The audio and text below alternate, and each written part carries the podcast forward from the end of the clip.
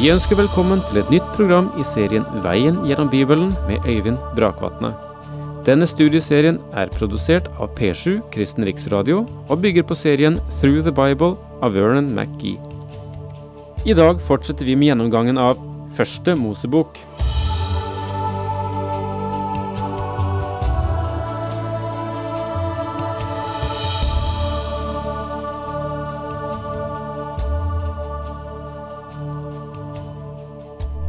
Forrige gang vi var sammen, så talte vi om eh, Guds pakt med Abraham.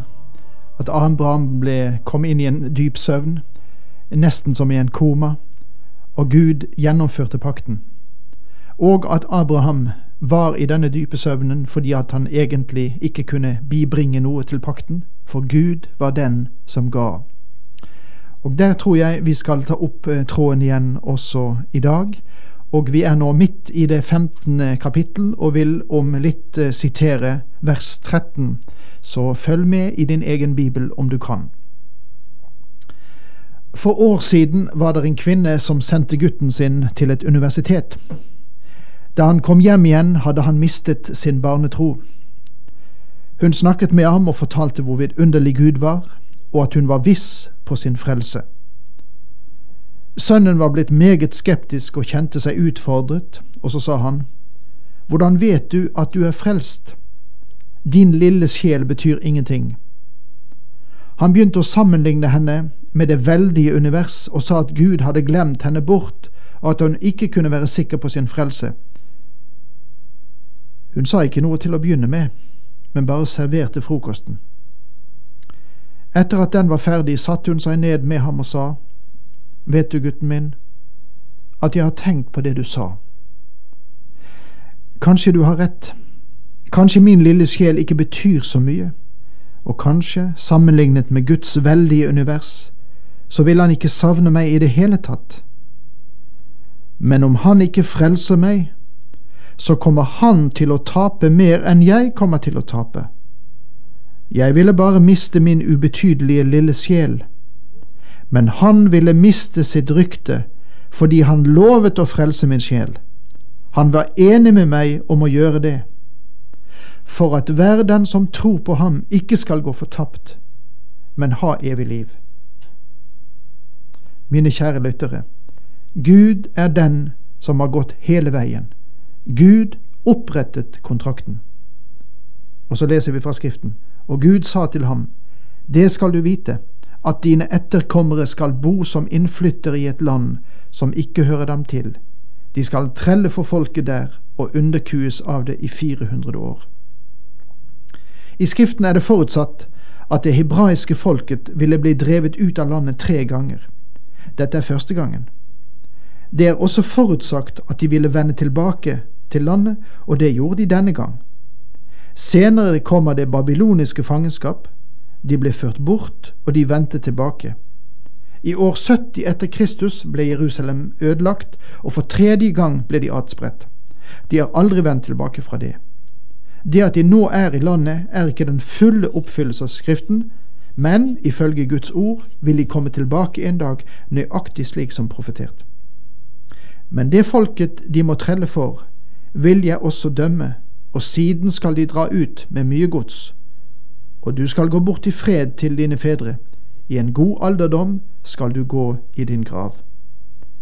De kom ut av Egypt med mye gods, men Abraham, naturlig nok, levde ikke så lenge at han fikk se det. I det fjerde slektsledd skal de komme tilbake hit igjen, for amorittenes syndeskyld har ennå ikke fylt sitt mål. Gud sier til Abraham, Jeg kan ikke plante dere fullt og helt i dette land nå, fordi jeg elsker amorittene også, og jeg ønsker å gi dem en sjanse til å venne seg til meg. Og Gud ga amorittene 400 år. Det er en lang tid, ikke sant? For å se om de ville venne seg til ham. Den eneste i landet som vendte seg til Herren, var en kananittisk kvinne, horen Rahab. Hun vendte seg til Gud. Hun trodde ham. Alt Gud ber deg om, er å tro ham. Gud gav amorittene denne lange og viktige mulighetenes periode. Da solen var gått ned og det var blitt stummende mørkt, viste det seg en rykende ovn og en flammende lue som for fram mellom kjøttstykkene. Begge disse taler om Kristus. Ovnen taler selvfølgelig om dom. Ilden taler om hans lys, varme og hans ånd. Den dagen sluttet Herren en pakt med Abraham og sa, Din ett gir jeg dette landet, fra Egypterelven helt til storelven Eufrat, landet som tilhører kenittene, kenisittene og kadmonittene, hetittene, perisittene og refaitene, amorittene, kananeerne, gigashittene og jebosittene. Nå merker Gud ut landet som han lover Abraham. Merk deg nå. Hva lovet Abraham? Ingenting. Han trodde Gud. Og Gud vil frelse deg og meg på samme måte. Frelse deg ved nåde. Om du vil tro det han har gjort for deg. Dermed så slutter vi det 15. kapittel, og så går vi over til det neste, det 16. kapittel.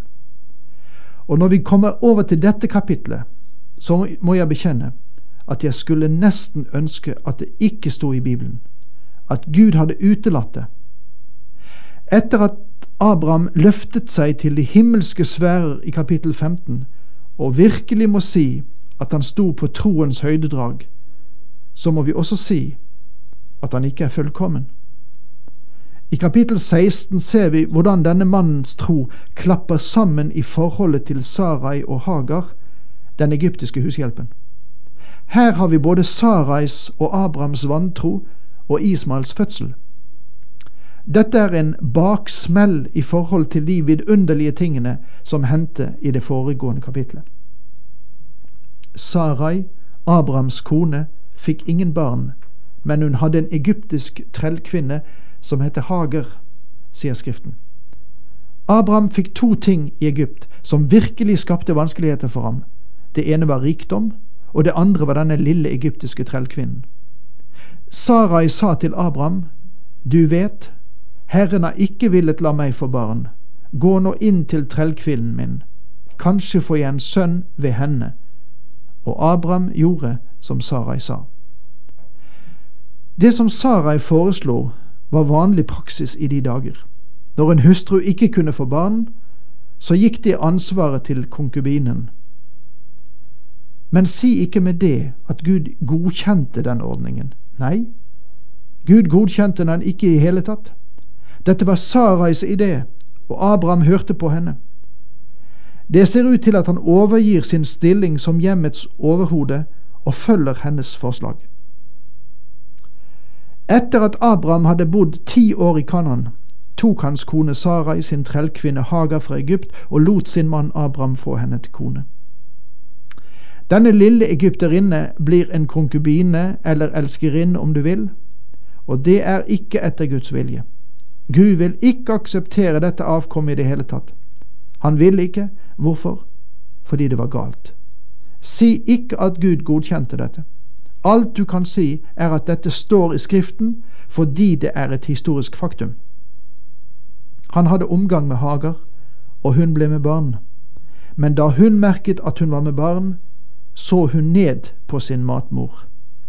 Hagar sa, Jeg har gitt Abraham et barn, noe Sarai ikke kunne, og derfor så hun ned på Sarai. Da sa Sarai til Abraham, Du har ansvar for den urett jeg lider. Jeg har selv latt deg ta min trellkvinne i favn, men da hun merket at hun var med barn, så hun ned på meg. Herren skal avgjøre saken mellom meg og deg. Gå ikke forbi dette verset. Si ikke at Gud godkjente dette forholdet. Gud sier at det er galt, og nå ser også Sarai at hun har handlet feil. Du har ansvaret for denne urett jeg lider. Nei, det er hun som har feil og bærer ansvaret. Gud vil ikke akseptere dette, og det fører til hjerteskjærende fortvilelse for den gamle Abraham. Men, ser du, roten til alt dette ligger i at Abraham og Sara ikke virkelig stolte på det som, det som Gud hadde sagt, og stolte på Gud som de burde. Ved denne tiden er Abraham nesten 90 år gammel og Sarai 80.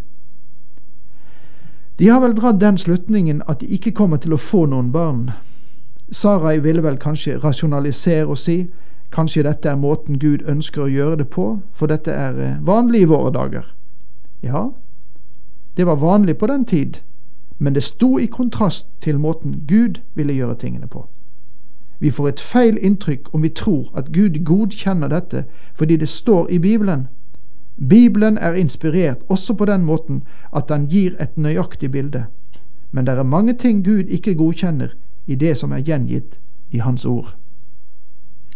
De moralske konsekvenser som du og jeg leser inn i dette, finnes ikke her i den historiske gjengivelse. Abraham og Sarai vokste opp i Uri Kaldea, hvor dette var en vanlig praksis, og det moralske elementet i denne handlingen var ikke for dem noe galt. Det fryktelige var at de ikke trodde Gud. Det gale som de gjorde ved at Abraham tok Sarais trellkvinne Hager, var en synd, og Gud behandlet den som det. Også i dag understreker vi at å ta en elsker er en synd, men vi legger ikke mye brett på den vantro som ligger bak. Og likevel så var vantroen det vesentligste punktet her. Det var atskillig sortere enn det å ta en elskerinne. Abraham sa til Sarai, Du rår vel over trellkvinnen din, gjør med henne som du synes. Og Sarai var hard mot henne, så hun rømte sin vei. Hagar flyktet og det ville sannsynligvis betydd døden for henne, og ganske sikkert for det barnet hun bar. Herrens engel fant henne ved en kilde ute i ødemarken, ved kilden på veien til Sjur. Jeg er tilbøyelig til å tro at denne engelen fra Herren ikke er noen annen enn Kristus selv. Dette er så typisk for ham. Han er alltid på utkikk etter det som er tapt, og Hagar var kommet ganske langt hjemmefra. Han sa, Hagar, Sarais trellkvinne, hvor kommer du fra, og hvor skal du hen? Hun svarte, Jeg har rømt fra Sarai, min matmor. Da sa Herrens engel til henne, Vend tilbake til din matmor, og bøy deg under hennes hånd. Og han fortsatte, Stor vil jeg gjøre din ett, så tallrik at ingen kan telle den. I det fjerde kapittelet i Galaterbrevet bruker Paulus dette som en allegori, et symbolsk bilde. Han taler der om Hagar og hennes barn som et uttrykk for Sinai-fjellet, der Moselov ble gitt, og han taler om denne lovens fangenskap. Deretter taler han om Sara som den som er fri. Og poenget her er at den som tilhørte Abraham, var Sara. Hun var hans hustru. Mange mennesker vil ta en annen posisjon. De ønsker å være under loven. Men som troende er vi blitt bundet til Kristus. Menigheten er blitt viet til Kristus, sier Paulus, som en jomfru, og vil en dag være Kristi brud. Og derfor vil jeg si, legg dere ikke inn under lovens åk. Loven er noe annet enn du og jeg trenger, på samme måte som Hagar. Og det er det Paulus peker på i Galaterbrevet. Dette kommer til å bli en stor sorg ikke bare for Sarai. Det var det allerede for henne, men det kommer til å bli en enda større sorg for Abraham senere. Hagar kommer nå tilbake for å føde en gutt, den gutten som dermed er Abrahams sønn.